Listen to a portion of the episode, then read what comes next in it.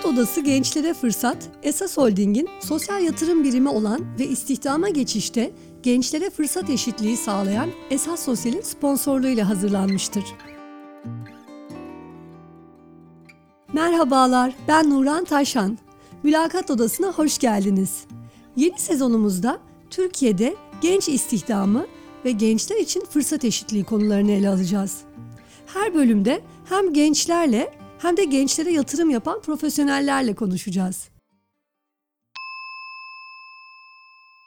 Genç istihdamına dair yapılan çalışmalar, gençlerin işe erişimini kolaylaştıran müdahalelerin bir gence istihdam imkanı yaratmanın etkisinin katlanarak fayda sağladığına işaret ediyor. Yani tek bir gence yapılan yatırım o gencin kardeşleri başta olmak üzere geniş ailesi ve içinde yaşadığı yerel ağı da pozitif şekilde dönüştürme potansiyeli taşıyor. Mülakat Odası'na hoş geldiniz. Bugün konuğum 2016 ilk fırsatı mezunlarından Mustafa Erik. Mustafa'cığım e, gerçekten çok teşekkürler vakit ayırdın geldin. E, senin hikayeni çok merak ediyorum. E, sen şu anda Türkiye Eğitim Gönülleri Vakfı'nda öğrenim birimi yöneticisi olarak çalışıyorsun. 2016 ilk fırsatı mezunusun. Yani aradan bayağı zaman geçmiş. Ne, ne kadar zamandır Türkiye Eğitim Gönüllerindesin? E, aslında onunla başladım zaten ilk fırsat sürecine. Türkiye Eğitim Gönülleri Vakfı'nda başladım ve devam ettim.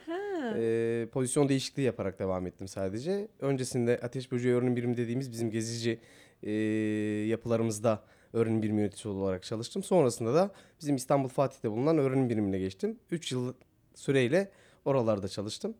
E, güzel bir deneyimdi benim için. 5 yıldır farklı farklı pozisyonları deneyerek ilerliyorsun. Bravo. Hı hı.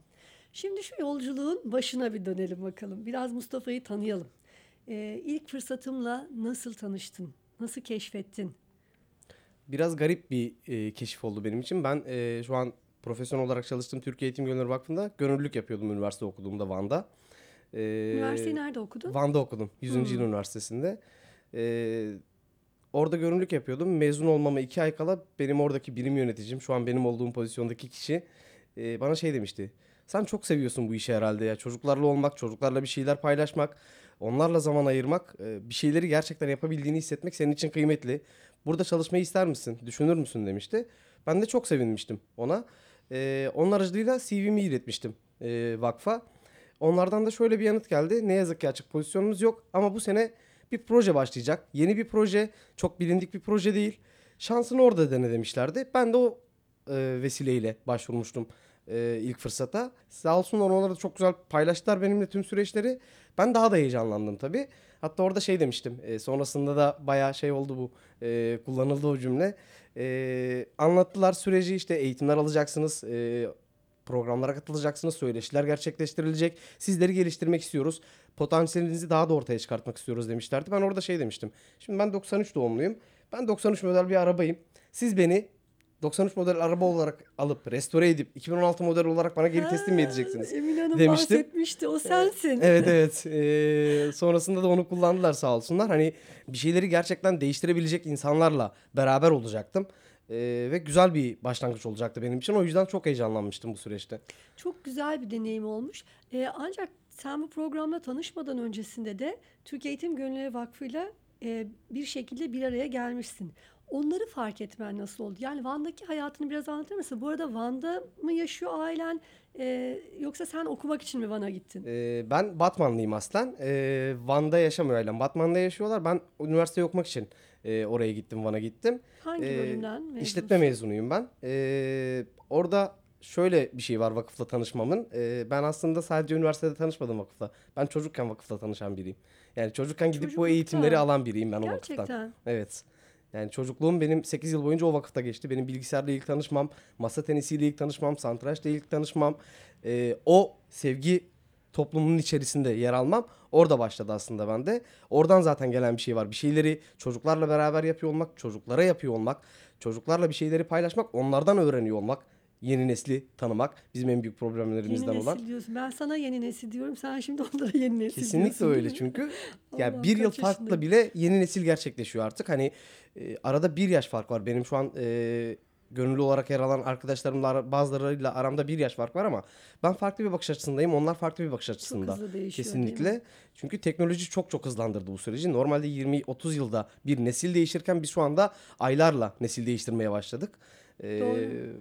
Bu da işte şeyi getiriyor beraberinde hani o farklı bakış açılarını getiriyor. O farklı bakış açılarının bir arada olduğu bir ortamda bulunuyor olmak farklı bir deneyim oluyor. Peki şey soracağım. Batman'da okuma yazma oranı nasıl? Ee, çok yüksek değil. Çünkü e, yani Doğu toplumu daha yeni yeni e, bir şeylere adapte olmaya çalışan bir toplum. E, ve şöyle bir süreç var. E, orada yaşayan aileler geçmiş yıllarda okuma yazmayı ne yazık ki başlayamamışlar. Çünkü hep köylerde yaşamışlar. Okula gideceğine işte çobanlık yap. Okula gideceğine tarlayı sür. E, mantığı varmış e, ne yazık ki orada. E, çok fazla direnmişler bizimkiler ama ne yazık ki başaramamışlar. Biz de o neslin devamında geldik. Şu an daha iyi. Çok okuma e, yani çok okuyan gencin olmadığı bir yerden oku, okumuş biri olarak çıkmak kolay bir şey değil. E, oradaki süreci biraz anlatsana. Yani senin e, sana verdikleri desteğin nasıl olduğunu merak ediyorum. Şöyle benim babam e, anlattıklarından yola çıkarak söylüyorum bunu.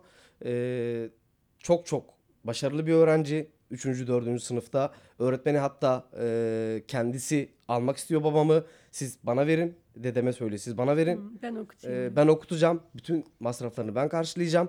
Çocuk çok zeki. Çok büyük potansiyeli var. Lütfen izin verin demiş ama ne yazık ki dedem izin vermemiş ona. Babamda da bir ukde olmuş o. Hı, küçük bir oğlan yara açmış. çocuğu yanımda olsun. Aynen öyle. Ee, dedemin ne yazık öyle bir bakış açısı olmuş. Hani yanımda olsun, yanımda yer alsın, bana yardımcı olsun. Evde işler var onlara baksın. Okuyup ne yapacak mantığıyla hareket etmiş. Babamda da bir e, yara açmış o. O da o yarayı benimle kapatmaya çalıştı bir yerde. Ee, ben de o yarayı kapatmaya çalıştım aslında. Çünkü babamın gözlerine her baktığımda o şeyi görebiliyordum. Ben yapamadım ama oğlum yapabilecek e, bakışını görebiliyordum. Ve bunu yapmaya çalıştım aslında. Benim e, üniversiteyi okumam, bu işlere giriyor olmam, kendimi daha da iyi yapmam, daha da geliştirmem gerektiğine o bakışlar e, vesile oldu. Peki şey demiştin ya az önce. Ben daha çocukken Türkiye Eğitim Gönüllüleri ile tanıştım diye. Onların oraya getirdiği e, imkanlarla tanıştım anlamında mı söyledin onu? Evet evet. Yani, yararlandın, onların hizmetlerinden yararlandın. Kesinlikle, kesinlikle. Yani 27 yıldır e, faaliyetlerine devam eden bir vakıf. Ben de e, ilkokul 3. sınıfta tanıştım onlarla. 3. sınıftan itibaren temel eğitime destek programlarına gidiyorduk oraya. E, ama en önemli şeyi alıyorduk Okul mu aslında. yönlendiriyordu? E, bireysel olarak zaten evimin hemen yanındaydı e, onların yeri. E, bireysel olarak ailemle e, gittik, başvurumuzu yaptık, gerçekleştirdik. Sonrasında da eğitimlere başladık. E, temel eğitimlere destek programları olarak ailem yönlendirdi ama aslında orada ben daha çok sosyal beceriler kazandım. Kesinlikle. Peki üniversite e, dönemine gelmeden önce yani ne olmak istiyordun? Hayalin var mıydı? pedere okumak istiyordum ben e, ilk başta. Çünkü e, yani insanlarda yaralar açılıyor. Ben de bu yaraları kapatabileceğimi düşündüm. Çünkü bab- az önce bahsettiğim gibi Evet. babamda gördüğüm o yarayı kapatmaya çalıştım. Oradan gelen bir şeyle belki içgüdüyle hareket ettim orada. Pedere okumak istedim. E, ilk sene sınava girdim. E, üniversite giriş sınavına. 313.383 puan aldım. Dedim ki olmadı. E, yani bir 20 puanla kaçırmıştım onu. Demek ki 5-6 net daha yapmam lazım dedim. Biraz daha çabalamam lazım dedim. İkinci seneye hazırlanmak için ailemi zor ikna ettim. Çünkü artık Niye? e, ya benim babam inşaat işçisi bir adam. E, çok zor şartlarda çalışıyor. Benden bir şeyler bekliyor ama hızlıca bekliyor doğal olarak. Çünkü e, Bir de geçim çok- derdi var yani. kesinlikle öyle. Çok yoruluyor. Tabii. Görüyorum yani sabah saat 5'te evden çıkıyor. Akşam saat 8'de eve geliyor. Ben sadece babamla 2 saat zaman geçirebiliyorum akşamları evde. Görüyorum o yorgunluğunu ama bir yandan da ümitlerini gerçekleştirmek istiyorum. Bende gördüğü o ışığı gerçekten ortaya çıkartmak istiyorum. O yüzden zor ikna ettim onları. Bir sonraki sene bir daha hazırlanacağım dedim. Ee, hazırlandım. İkinci sene yine 313.383 puan aldım. Birebir Ay, aynı puan. inanmıyorum ya. Gerçekten çok çok fena olmuş. çok garip bir şey yaşadım orada hani. Babam diyor ki oğlum sen geçen seneki sonucu mu getirdin yanlışlıkla diyor. Hani aynı puan diyor. Yok baba bu seneki Allah sonuç Allah. diyorum. "E, nasıl oldu diyor. Diğerleri daha çok çalışmış herhalde baba dedim. Ee, o da yani dediğim gibi babamla aramızda o arkadaş ilişkisi e, devam ettiği için hiç şey yapmadı. Peki Olsun. o bir sene oturdun evde çalıştın. Hı hı. Yani işe falan gitmedin. Yok yok işe gitmedim. büyük bir e, fedakarlık biliyor musun baban açısından düşününce? Kesinlikle öyle. Evin en büyük çocuğuyum. E, Babamlar, annemler sürekli bir e, şey e, paylaşıyorlar Kaç benimle, zaman kardeşin ayırıyorlar. var Mustafa? E, üç kardeşim var benim. Benimle beraber dört kardeşiz. Ha, bayağı dört kardeşsin. Bir tane prensesimiz var sadece. Bir tane kız kardeşim var. Onlar okuyorlar değil mi? Yani ilk çocuk olarak sen okuduğuna göre Hepsi. sen onların önünü açmışsındır zaten. Kesinlikle. E, benden bir küçük kardeşim şu an askerde zaten. Bir ön, ya benden küçük olan kardeşim ameliyathane hizmetleri okudu. E, Mersin Üniversitesi'nde. Kız kardeşim çocuk gelişimi okudu. E, diğeri de Hepsi şu an de- lisede. Okulları bitirdi bir tekne kazıntısı lisede şu anda. Evet evet o da lisede şu anda. O da okuyor, okumaya devam ediyor. Ee, yani bir yol açtım.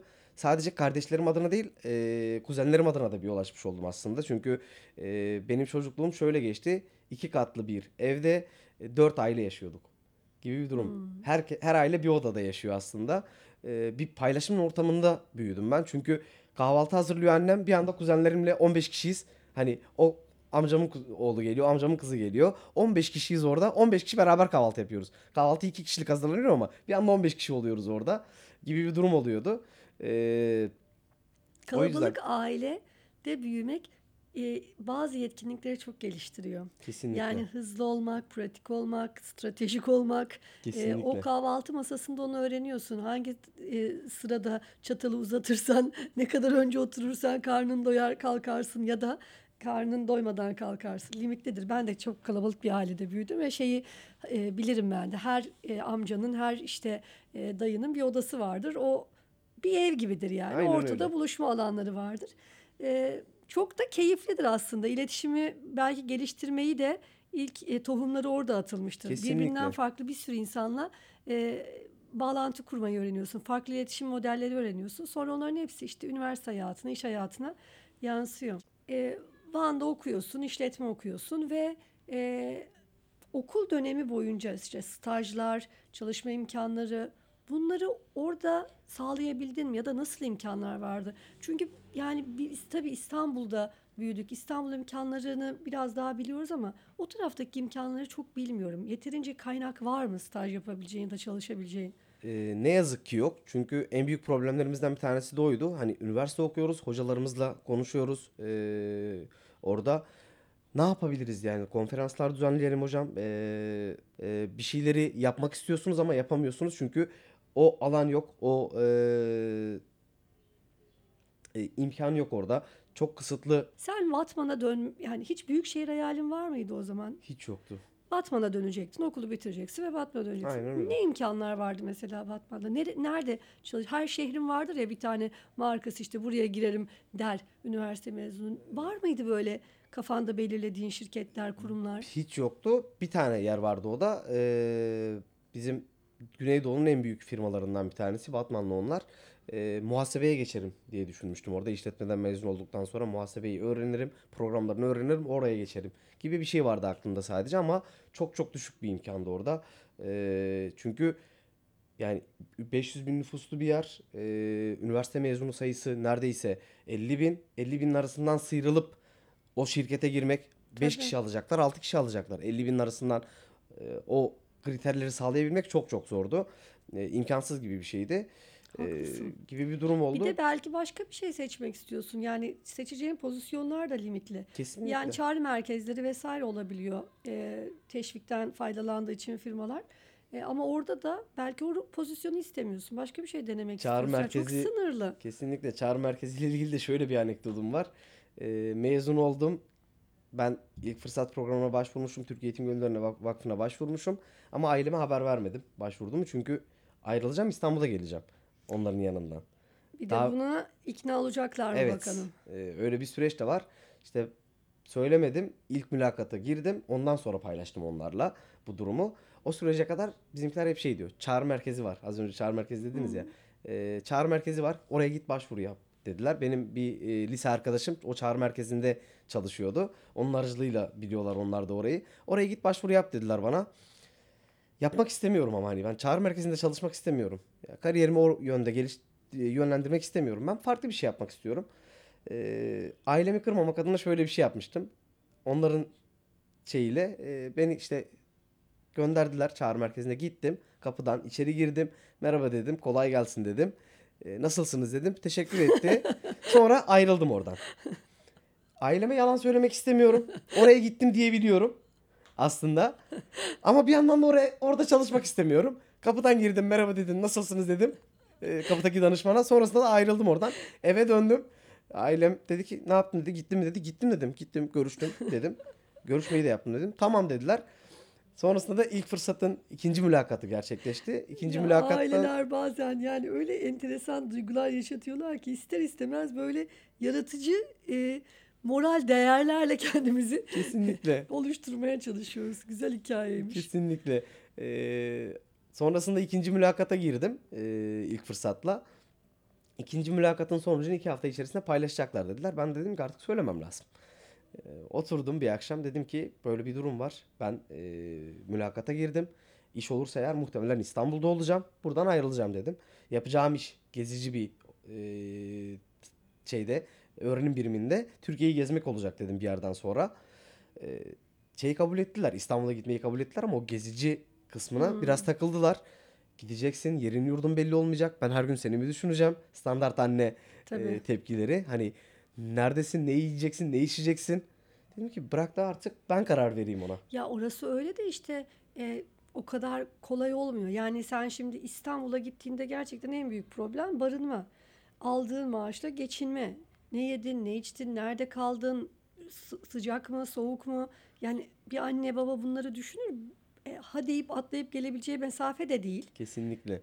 Yani burayı ikna etmek zor olmuştur. Çok zor oldu.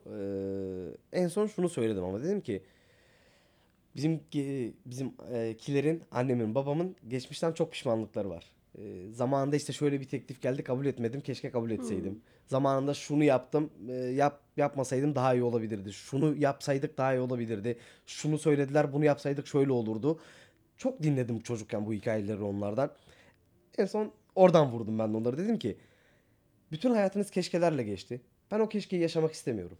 Ben gideyim, deneyimleyeyim. Yapamazsam, yapamayacağımı düşünüyorsam zaten geri geleceğim. Sizden kopmayacağım ki. Sizinle beraber olacağım.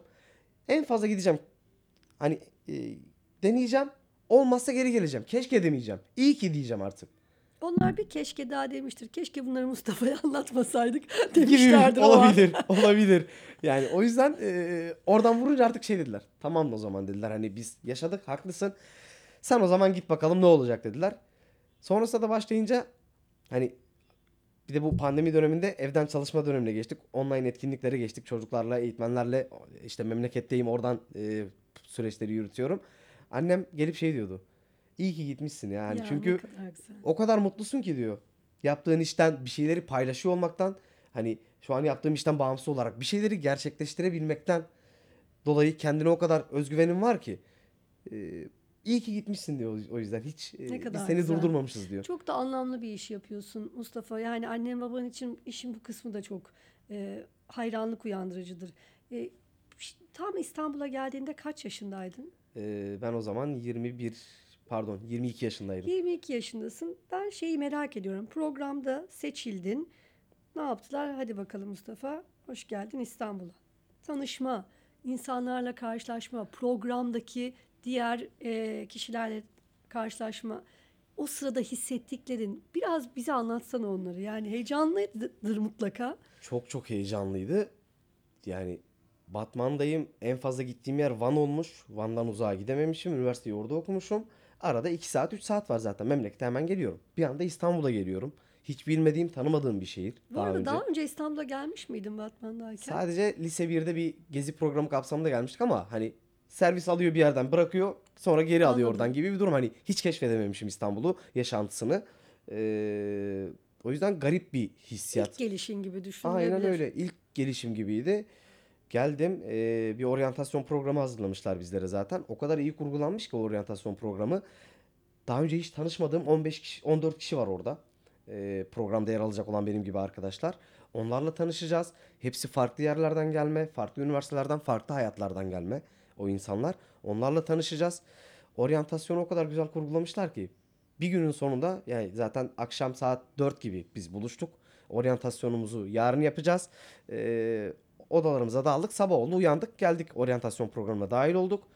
O kadar güzel bir kurgu var ki içeride günün sonunda biz hepimiz sanki 5 yıldır tanışıyormuşuz gibi gibi, gibi bir e, şeyle ayrıldık oradan. Hani e, kişiler birbirini çok çok iyi tanıdı. Program kendini çok çok iyi tanıttı bize orada. E, insanlar burada bulunmalarının gerçekten değerli olduğunu hissetti. Çünkü bizim başvurduğumuz sene yaklaşık 650 başvuru vardı ve o 650 aday arasından biz sadece 15 kişi seçilmiştik. Sen ilk mezunsun değil mi? Evet. İlk sene 650 çok bilinmediği Tabii, için tabii. program 650 başvuru olmuştu. 650 kişi arasından biz 15 kişi seçilmişiz. Demek ki bir şeyleri gerçekten doğru yapmışız zamanında. Bir şeyleri gerçekten doğru yerlere koymuşuz, konumlandırmışız ve şimdi onun meyvelerini toplama zamanı. Sence onlar ne? Yani bu programa katılmayı düşünecek e, gençler için bir fikir verebilir. Sadece neden seni seçtiler? Neden o 15 ki- kişiyi seçtiler? Senin gözlemlediğin farklar nelerdi? En temelde şunu gözlemledim. Hepsinin iletişimi çok çok iyi. Hmm. Yani bizim zamanımızda şu dönemde e, iletişim bizim olmazsa olmazlarımızdan biri. Çünkü kendinizi karşıya anlatma ihtiyacı hissediyorsunuz. Karşıyı anlama ihtiyacı hissediyorsunuz. Bu ikisi olmadan da hiçbir şekilde bir süreç yürüyemez. O yüzden iletişimlerini geliştirmek için ellerinden ne geliyorsa yapmaları gerekiyor o arkadaşlarımızın. E, bir sürü eğitim var. Ama sadece eğitimle de olacak bir durum değil bu. Kendilerini kanıtlamak için farklı yerlerde yer alsınlar. Gönüllü faaliyetlere katılsınlar. Farklı projelerde yer alsınlar. Farklı ortamlarda bulunsunlar. Bir fanusun içerisine girdiğinizde sadece o fanusun içerisinde sesleri duyabilirsiniz. Dışarıdan hiçbir sesi duyamazsınız. O yüzden fanusun dışına çıkmaları gerekiyor. Kendi İşte fanusların dışına sanki o çıkması da gerekiyor. biraz merakla alakalı değil mi? Yani siz o 15 genç meraklı, dışarıda ne olup bittiğini merak eden, kendini anlatmaya, dışarıyı anlamaya çalışan profiller e, aralarından öyle seçildiniz. Kesinlikle, kesinlikle. Yani merakı da uyandırmak aslında bizim elimizde. Ee, çünkü her şeyi merak ediyoruz. Ee, elimizin altında telefon var, anında ulaşabiliyoruz. Ama biraz da kendimizi merak etmemiz gerekiyor orada. Ee, biz kendimizden çok uzaklaşıyoruz. Şu dönemde teknoloji çağında. Çünkü her şeyi bir telefondan çözebiliyoruz. Ee, kendimize hiç dönemiyoruz o yüzden. Kendini Başkaları ne merak yapmış? etmek zaten çok büyük bir cesaret e, ve aynı zamanda çok çok kıymetli bir etkinlik. Yani içgörü kazanmak. O dediğin o kadar önemli ki oradan yola çıktığında e, seçenekler sınırsızlaşıyor. Kesinlikle. E, Yoksa çok bilgiye sahip olmak, çok kaynağa hemen ulaşmak o bir şey değil. Kesinlikle. Çünkü o kaynağı nasıl kullanacaksınız? Aynen Kendinizde öyle. nasıl kullanacaksınızı bilmiyorsunuz. O yüzden kendini tanımak çok çok kıymetli orada. Arkadaşlarımızdan ricam önce kendilerini tanısınlar. Çevreyi tanımak evet önemli ama kendinizi tanıdıktan sonra çevreyi şekillendirirsiniz. Kim olduğunu merak etmek, kendini Kesinlikle. Oluşturmak. Peki program e, kabul edildikten sonra uzun eğitimler içeriyor E, ve aynı zamanda da hemen çalışmaya başlıyorsun. Kesinlikle. Şimdi geldin, çok güzel, harika yöneticiler, müthiş yatırımcılar, sıcacık bir ortam. Hop Türk Eğitim Gönüllülerine girdin. Sana oradaki yaklaşım nasıldı? Yani şöyle e, program o kadar iyi anlatılmış ki işverenlere de orada. E, zaten sivil toplum kuruluşları tamamen program içerisinde yer alanlar. E, o kadar iyi ifade edilmiş ki bu gelen kişiler, gelecek olan insanlar e, ilk defa iş ha- hayatına dahil olacaklar. İlk defa bir profesyonel olarak bir yerde bulunacaklar. O yüzden ona göre yaklaşılması gerektiğini çok ifade etmişler işverenlere. Ben başladım. Herkese bey, hanımefendi hitap ediyorum. E, benim birim müdürüm, e, saha müdürüm bana şey demişti. Mustafa bey veya hanımefendi değil. Biz burada bir şeyleri paylaşmak için bulunuyoruz. Lütfen kendini rahat hisset. Çünkü yeni başladım biliyorum. Çok e, çekincelerin de olabilir. E, yanlış yapacağını düşündüğün şeyler de olabilir. Yanlış yap lütfen demişti. Yanlış yap ki biz bunları beraber düzeltebilelim demişti. E, o şey yap, yapmıştı bana vermişti yani. Demek ki ben e, şu an benden mükemmel bir şey beklenmiyor. Ben yanlış yapacağım. Yanlış yapmak için buradayım. Yanlış yapıp doğruyu öğrenmek için buradayım. Çünkü bu programın temel amacı o zaten. E, deneyimsizim. Hiçbir deneyimim yok. Profesyonel olarak hiçbir yerde bulunmamışım. Bunu atlatabilmek için bu program kuruldu. Bu deneyimi bana verecekler. Beni burası da besleyecek aslında. Sadece aldığım eğitimler değil. Evet eğitimler alacağım, programlara katılacağım, eee, söyleşilere katılacağım. Oradan bir şeyler kapacağım ama uygulama kısmı burası olacak. O aldıklarımı buraya vereceğim aslında. Burada uygulayacağım. Bir de şöyle bir şey fark ettim. Şimdi normalde de iş hayatında bir yere başlıyorsun. Diyelim ki bir bankaya başlıyorsun veya herhangi bir kuruluşa. Ee, genellikle herkes yoğun oluyor.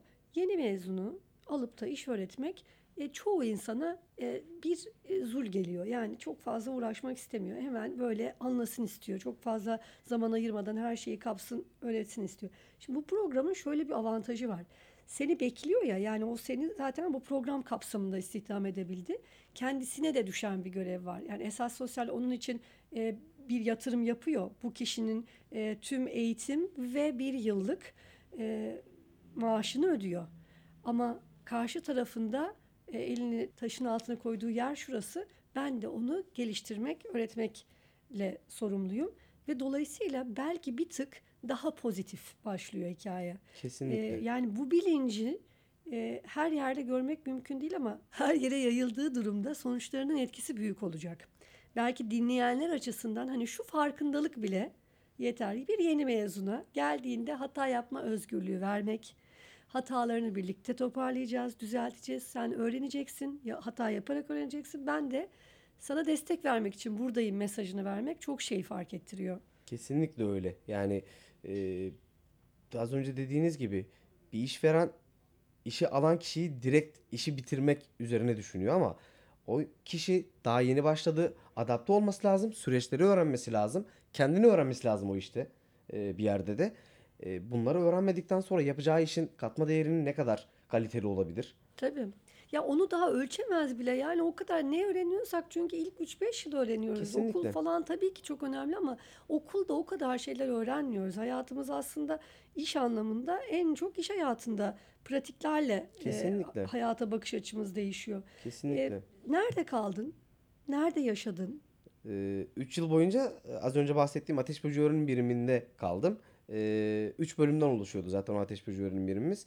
Bilgisayar odası, etkinlik odası ve benim yaşam alanım şeklinde 3 Tek bölüm mi vardı. kalıyorsun Tek orada? başıma. Peki o sana özel yapılan bir şey mi? Evet, Yani evet. Mustafa e, Yok, şehir yok, dışından e, geliyor.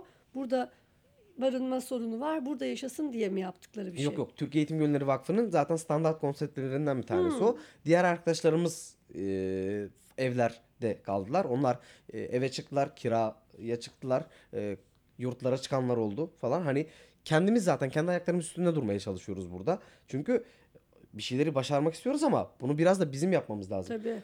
İlk fırsat bir fırsat sunmuş bize, bir olanak sunmuş. Bunu da biraz bizim desteklememiz lazım. Ee, durumu var orada. Onlar çünkü zaten çok yardımcı oldular. Nerede kalacaksınız, ne yapacaksınız'a kadar yardımcı oldular. Ee, orada hani kim nerede kalacak, ev bulabilen var mı ya da ev arkadaşı arayan var mı? Bütün e, networklerini kullandılar orada bizim Gerçekten. için. Ki aslında hani onların ilgilenmesi gereken bir şey de Değil, değil o. değil, değil. Yani Çünkü ya orada bir aileyi hissettiriyor gerçekten Hmm. e, o ekip. Aileyi hissettirmişti bize. Geldiniz, evet. Ama e, siz standart bir iş dünyasının içerisine dahil olmayacaksınız. Biz bir aile olacağız burada. Bir değer yaratacağız. Bu değeri de beraber gerçekleştireceğiz demişlerdi. E, çok çok güzel bir süreçti o yüzden o. Şu an işinden çok memnun olduğunu gözlerinden, bakışlarından anlıyorum. İşimden memnun kısmı şu şunun için memnunum. Ee, çocuklarla beraber olmak bana bir şey katıyor. Yaptığım iş çok zorlayıcı olabiliyor bazen. Çünkü aynı anda farklı projeler yürütmek durumunda kalabiliyorsunuz. Yani o bulunduğunuz lokasyonun tüm sorumluluğu sizde.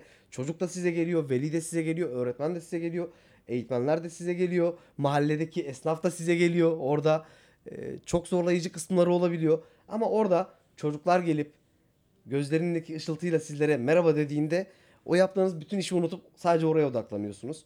Çünkü e, benim çocukken yaşadığım duygular geliyor aklıma orada.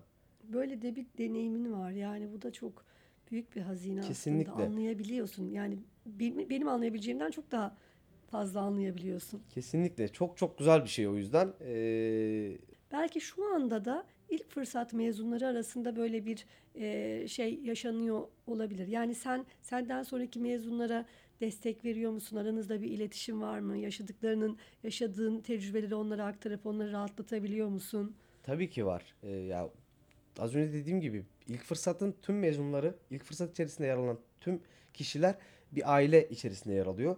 Yani sıkıştığımız her konuda birbirimize destek çıkıyoruz.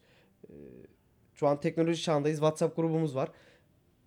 Benim bir işim var ama hiç bilmediğim bir alan. Yani mesela atıyorum yazılımla ilgili bir işim çıktı ortaya ama hiç bilmediğim bir alan. Hemen WhatsApp grubundan yazıyorum. Arkadaşlar yazılımla ilgili şu, şu konuda bilgisi, deneyimi veya referansı olabilecek var mı? 3 saniye sonra cevap geliyor sana. Bu ilk fırsat mezunların arasındaki WhatsApp evet. grubu çok güzel. Evet, yani evet. böyle bir network de var. Kesinlikle, kesinlikle. Çok güzel bir network'ümüz var. Hepsi farklı kurumlarda çalışıyor. Sivil toplum kuruluşlarında devam edenler var. Burada kendini gerçekleştirip, sivil toplumda kendini kanıtlayıp, program içerisinde kendini kanıtlayıp özel sektöre geçen arkadaşlarımız da var. Türkiye'nin her yerinde tanıdığım biri var aslında şu anda ilk fırsatta. Şey gibi olmuş biliyor musun Mustafa? Hani belli ekollerdeki okullar vardır ya işte Galatasaraylılar her yere dağılsa bile mutlaka birbirlerine destek verir, dernekleri vardır, grupta yazışırlar falan böyle. Sizinki de aslında üniversiteden sonraki bir üniversite gibi olmuş. Yani Kesinlikle. bir ekosistem oluşmuş ve her durumda o network birbirini besliyor, destekliyor. Kesinlikle. Bu çok özel bir şey. Bu bunun için yani şu anda pek çok insan çocuklarını belli okullara göndermeyi bu yüzden seçiyor. Aynen öyle. Yani o o yüzden network uğraşıyor. Diyor ki böyle bir network'ün içine girsin. Yarın öbür gün birbirini kollayacak, destekleyecek bir grubun içinde kalsın. E, bu e, program bunu da sağlamış aslında. Kesinlikle öyle yani sadece birbirimizle ilgili bir network yok ne- network yok ortada. Ee, program aracılığıyla hiç tanışamayacağınız, e, normalde sokakta karşılaşamayacağınız insanlarla sohbet etme imkanı elde ediyorsunuz. Söyleşiler gerçekleşiyor orada Hmm. e, programda. Ya bizim senemizde bizim yaptığımız söyleşiler. Ya ben Fatih Terim'le söyleşi gerçekleştirdim. Fatih Terim o ne diyor kendisi hani- son dönem. Ee, yani hiçbir zaman denk gelemeyeceğimi düşünüyorum. Leyla Alaton. Türkiye'deki en güzel insanlardan bir tanesi. Kesinlikle. Hani o, Hayranıyım. o kadar samimi bir insan ki sohbet ederken. Ya biz e, deneyim dinlemeye gittik Leyla Hanım'dan. Ama o bize e, abla gibi yaklaştı. Hani kendi hayatını anlatıyor, çocukluğunu anlatıyor bize. E, iş yaşamında nasıl e, yansıdığını anlatıyor bize. Aslında biz ondan öğreniyoruz orada o süreci. Ya şeyi anlatıyor. Ben üniversite okurken e, Amerika'da kemer sattım diyor bize. Hani hiçbir zaman duyamayacağım bir şey. Tabii, Leyla, tabii. Leyla Hanım gibi birinden hiçbir magazinde de bulamayacağım onu. Hiçbir yerde de duyamayacağım ama Leyla Hanım orada onu anlatıyor Bir bize. orada birebir paylaşması başka bir şey. Kesinlikle öyle. Kesinlikle öyle. Yani paylaşıyor bizimle, konuşuyor bizimle. Çok farklı bir deneyim. Yani sadece birbirimizle ilgili bir network'ümüz yok. Farklı insanlarla tanışıp onların deneyimlerini dinleyip onların felsefelerinden de kendimize bir çıkarım elde edebiliyoruz aslında. Şeye ne düşünüyorsun Mustafa? Gençler şu anda çok umutsuzlar. Sen daha genç jenerasyonlarla da çalıştığın için fikrini merak ediyorum. Nasıl görüyorsun yeni jenerasyonu? Önümüzde ne gibi engeller olduğunu düşünüyorsun? Bunlar nasıl aşılabilir sana göre? Ee, biraz hani bunu konuşalım. Yani eee, şu an çok farklı profillerle, farklı eee, genç profillerle çalışıyorum dediğiniz gibi. Eee, gençlerin en büyük problemlerinden bir tanesi bence o paylaşım kültürü yok gençlerde. Paylaşım ortamını yaratmıyorlar. Çok bencilleşmeye başladı artık toplum. Bencil bir toplumda sadece kendine bir şeyler katar. Ama bir paylaşım ortamı yaratırsa o gençler, eee, benim deneyimim var, benim bilgim var, benim uzmanlığım var. Bu uzmanlığı sadece kendime saklıyorum artık. Eee, kendilerine saklamayıp başkalarıyla paylaşınca aslında o uzmanlığın ne kadar daha kıymetli olduğunu keşfedecekler. O saklamak mı yoksa paylaşacak ortamın oluşmaması mı? Bak eskiden yani bizim benden de e, daha öncekilerde saklamak diye bir şey vardı. Hı. Bilgiyi saklarsam pozisyonum güvende olur. Hı. E, o bilinçli olarak saklardı. Şimdi sanki e, sistem içinde yaşadığımız dünya şeye döndü. Yani herkes kendi iç dünyasına yönelmiş durumda. Belki de paylaşacak ortam bulamıyor.